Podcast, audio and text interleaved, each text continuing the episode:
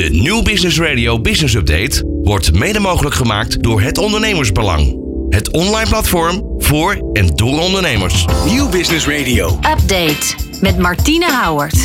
Conflicten op de werkvloer zijn geen uitzondering en aan de orde van de dag. En uit onderzoek blijkt dan ook dat 30% van de werknemers problemen met collega's ervaart. Van alle werkenden had in 2020 maar liefst 26% een conflict op het werk. En de impact van conflicten is dan ook groot. Denk aan bijvoorbeeld ziekmeldingen, maar ook psychische problemen en burn-outs. Nou, hoe kunnen we dit voorkomen? En kun je ook beter met dit soort situaties omgaan op de werkvloer? Daar gaat het volgende boek over, namelijk conflictvaardig op het werk. Met als ondertitel Win vertrouwen met conflicthantering en mediation. Ik ben Martine Houwert en de schrijvers van het boek zijn hier aanwezig. Jan Plevier en Frank Emmelot. Van hippe start-up tot ijzersterke multinational. Iedereen praat mee op Nieuw Business Radio. Jan en Frank, van harte welkom hier in de studio van Nieuw Business Radio. Dank je, Martine. Fijn dat jullie er zijn. We gaan natuurlijk hebben over jullie prachtige boek wat is uitgekomen. Conflictvaardig op het werk. Ehm, eerst eventjes, hoe is dit boek ontstaan? Daar ben ik wel eventjes nieuwsgierig naar. Nou, het is eigenlijk ontstaan ehm, een aantal jaren terug dat wij met elkaar in gesprek waren. Eigenlijk vanuit onze mediation praktijk en de ervaring die wij hebben met het uh, begeleiden van arbeidsconflicten. Ja.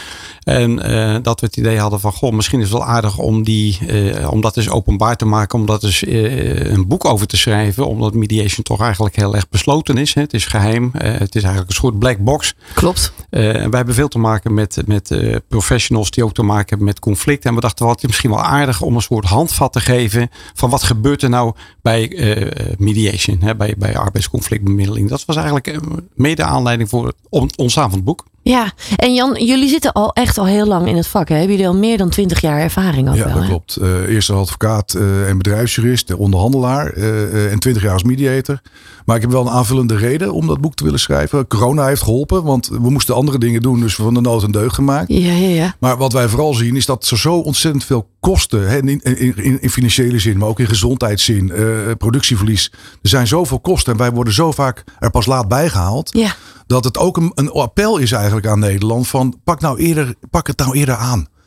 Uh, het is in het belang van iedereen. Ja. ja, wordt het niet serieus genoeg genomen? Ik denk dat mensen heel erg handelingsverlegen zijn. De meeste mensen vinden het gewoon heel ingewikkeld. Uh, conflict is taboe.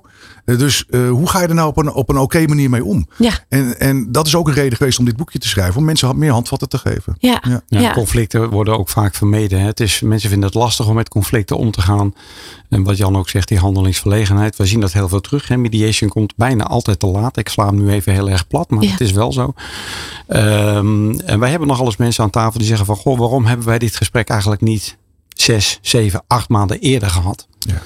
Ja, wij proberen ook steeds, en dat is ook de reden geweest voor dit boek, om te kijken van hoe kun je nu dit voor zijn? Hoe Ja. kun je voorkomen dat gaan conflicten echt gaan escaleren en dat mensen op een eerder moment het goede gesprek gaan voeren? Wat verstaan we echt onder een conflict?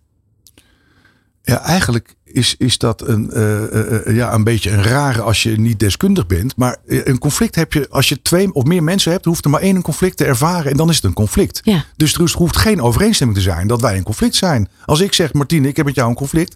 Ja, dan kan je zeggen, oh, nou, ik heb helemaal niet. Maar ik- als ik zeg van ja, dat is wel zo, dan, dan, dan is het wel een conflict. Ja. En, nou, en daar krijgen mensen ook conflicten over. Hè, want als de baas zegt, de medewerker zegt ik heb een conflict. En de baas zegt, dat heb je, nou ja, er is niks aan de hand, je moet gewoon luisteren. Of ik weet van niks, hè, dat gebeurt ook vaak. Ja, dan is het wel een conflict. Ja. Ja. Ja, nou ja, en, en zoals ik ook al in de introductie zei, eh, het, is, het, het aantal conflicten is nogal groot. Maar liefst 26% in 2020 ervaarde al een conflict op het werk. Ja. Dat is heel veel. Het komt best veel voor. Het komt best veel voor. En eh, wat nou zo jammer is, is dat. Want conflicten kunnen op zich ook heel productief zijn. Hè? Het kan ook een bron van vernieuwing zijn. Ik wou net kan- zeggen, het kan ook de werkrelatie misschien ook nog zelfs bevorderen als je er goed uitkomt. Het kan leiden tot nieuwe afspraken, nieuwe inzichten. Het kan een bron van vernieuwing zijn. Dus eh, conflicten bieden wat dat betreft ook een kans. Eh, maar omdat ze vaak niet tijdig en goed worden gemanaged, Mhm. kunnen conflicten gaan escaleren. En dat gebeurt doordat er niet op een goede manier tijdig aandacht aan wordt gegeven. Eh, en dat negatieve emoties eigenlijk de boventoon gaan voeren. Ja. Ja. En, dan, en dan wordt het dus, waar wij vandaan komen, of juridiseren of medicaliseren of allebei. Ja. Maar dan heb je het dus niet meer over de relatie, maar dan heb je het over eh, juridische regels, over medische regels. Dus dan komen er meer spelers in het veld en dan wordt het alweer ingewikkelder. Ja. Dus als je eerder eh, het echte gesprek aangaat, eh, zelf, hè, en, en gelukkig in de meeste gevallen lossen mensen zelf conflicten op. Ehm, hè, dus dat is wel een positieve k- kant. Hè. In, uit onderzoek blijkt gewoon dat de meeste mensen zelf conflicten eh, oplossen door te praten of te onderhandelen. Maar in heel veel gevallen gebeurt dat ook niet of te laat. En ja, de arts en de, en de, en de advocaat gaan het meestal niet oplossen. Uiteindelijk moet je het zelf op de werk oplossen. Ja. En of dat dan in de private of in de, eh, in de eh, non-profit sector is. Dat gesprek moet gewoon gevoerd. Ja, en heel veel arbeidsconflicten gaan ook gepaard met ziekteverzuim. Ik denk dat zo'n 60, 65 procent van de gevallen, eh, de mediation die we binnenkrijgen, heeft toch te maken met verzuim. Eh, ja, en dan gaan mensen een soort van eh, ook hè, wetgevingstredmolen in. Je moet allerlei regels volgen. Er komen veel meer spelers op het bord en dat maakt het er- erg ingewikkeld. Ja, en ik zag bijvoorbeeld ook al voorbij komen qua cijfers. 70 tot 80 procent van het verzuim in Nederland is niet medisch. Ja. Ja, dat zegt Dus de NVB, dat zegt de Vereniging van Bedrijfsartsen, zegt dat zelf. Hè? Dus Da- daar ga je eigenlijk al. Het hoeft dan niet per se een conflict te zijn, maar dat zou natuurlijk wel heel goed kunnen. al. Ja. Ja. Dat het daar al Ja, mee te een- maken Een heeft. belangrijk deel heeft daarmee te maken hè, met verhoudingen op het werk, psychosociale arbeidsbelasting. Eh, maar het zegt nogal wat, hè, dat de NVB zelf dit soort, met dit soort getallen komt. Ja, het is duidelijk. Eh, er is een probleem wat dat betreft. Eh, er is iets waar veel mensen tegenaan lopen. Jullie zijn daar helemaal ingedoken. Wat een conflict ook echt precies inhoudt. Welke emoties erbij komen. En welke fases je ook allemaal hebt. Hè? Dat klopt. je ons eventjes een beetje meenemen in dat boek? Want ik zie de fase van een conflict. Heb ik een conflict of heeft het conflict mij? Ja, die fase dat is eigenlijk een beetje gebaseerd op de fase van Glasel, hè, zoals we dat, dat, dat wel noemen. Ja. Escalatiefase. Ehm, en wat je ziet bij conflicten, als ze niet tijdig worden geadresseerd op een goede manier, dat eh, negatieve emoties een rol gaan spelen. Die gaan eigenlijk de boventoon voeren. En eh, dan wordt eigenlijk de relatie wordt de basis. Het gaat niet langer meer over de inhoud. Dus de focus ligt niet meer op samenwerken, maar meer op een strijd die moet worden gewonnen. Ja, En dan wordt het heel lastig om op de inhoud afspraken te gaan maken. En ons, wij pleiten ervoor om te zorgen dat je eh, conflicten in een fase adresseert dat ze nog productief kunnen zijn. ja, in aanvulling daarop, hè, als wij als mediator erbij worden geroepen, dan is de relatie de baas. Hè, want dan kan je het oneens zijn over wel of niet functioneren, of dus, hè, dus functioneren, of wel of niet meewerken aan reïntegratie-inspanningen. Maar als dat dan een strijd is geworden van winnen en verliezen, eh, ja, dan gaat het eigenlijk niet meer over de inhoud, maar dan gaat het over wie heeft het voor het zeggen. klopt. En wat wij doen als mediator is mensen terughelpen van die geëscaleerde fase naar de-escalatie om het weer samen over de inhoud te kunnen hebben. En daarom roepen wij ook, doe dat nou eerder. Ja. Dan heb je ons niet nodig. Dus eigenlijk zitten we hier ook te zeggen, maak ons minder nodig en doe het eerder. Daar kunnen we ook bij helpen, maar pak het nou eerder op. Ja, maar hoe doe je dat? Ja, dat is een hele Want dat is, de, dat is de. Ik bedoel, heel veel mensen lopen hier toch tegenaan. Nou ja, wat, wat wij zien, en natuurlijk hebben wij maar een bril hè, eh, van onze praktijk. En, en dat is toch een bril, denken wij, dat we vaak te, te laat, als, het al te, als er al te veel gebeurd is, er worden bijgehaald. Maar het is toch het gesprek aangaan als, als de eerste emmer in de druppel valt. En, eh, eh, ehm, eh, en dan niet in termen van vermijden, wat we veel zien. Of forceren, we halen de jurist erbij of we schrijven een aangetekende brief. Nee, gewoon een gesprek aangaan en zeggen, wa- wat willen wij nou in deze relatie? Ja. En niet alleen juridisch, maar ook psychologisch. Hoe willen wij met elkaar omgaan? En als je dat niet opspaart, want wij zien heel veel situaties waar we het over de laatste druppel hebben, maar niet over de eerste druppel. Dus heb het nou op een oké manier over die eerste druppel, dan krijg je een ander gesprek. Ja, ja, Ja, in plaats is- van altijd die laatste. Hè? Ja. En het is Ja. best wel ingewikkeld, hè, want mensen die houden over het algemeen niet van conflicten, proberen dat te vermijden. Ehm, en wat je ziet, eh, hè, dus dat de communicatie gaat eronder lijden. Hè. En Dat is bij mediation, je ziet dat steeds weer terug, hè, dat de communicatie sneuvelt als, als eerste. Dus er is eigenlijk geen, geen contact meer. En wij pleiten ervoor om eh, echt een inspanning te leveren om eh, verbinding te houden. Hou vooral verbinding en zorg dat je, dat je in gesprek blijft met elkaar. Ja.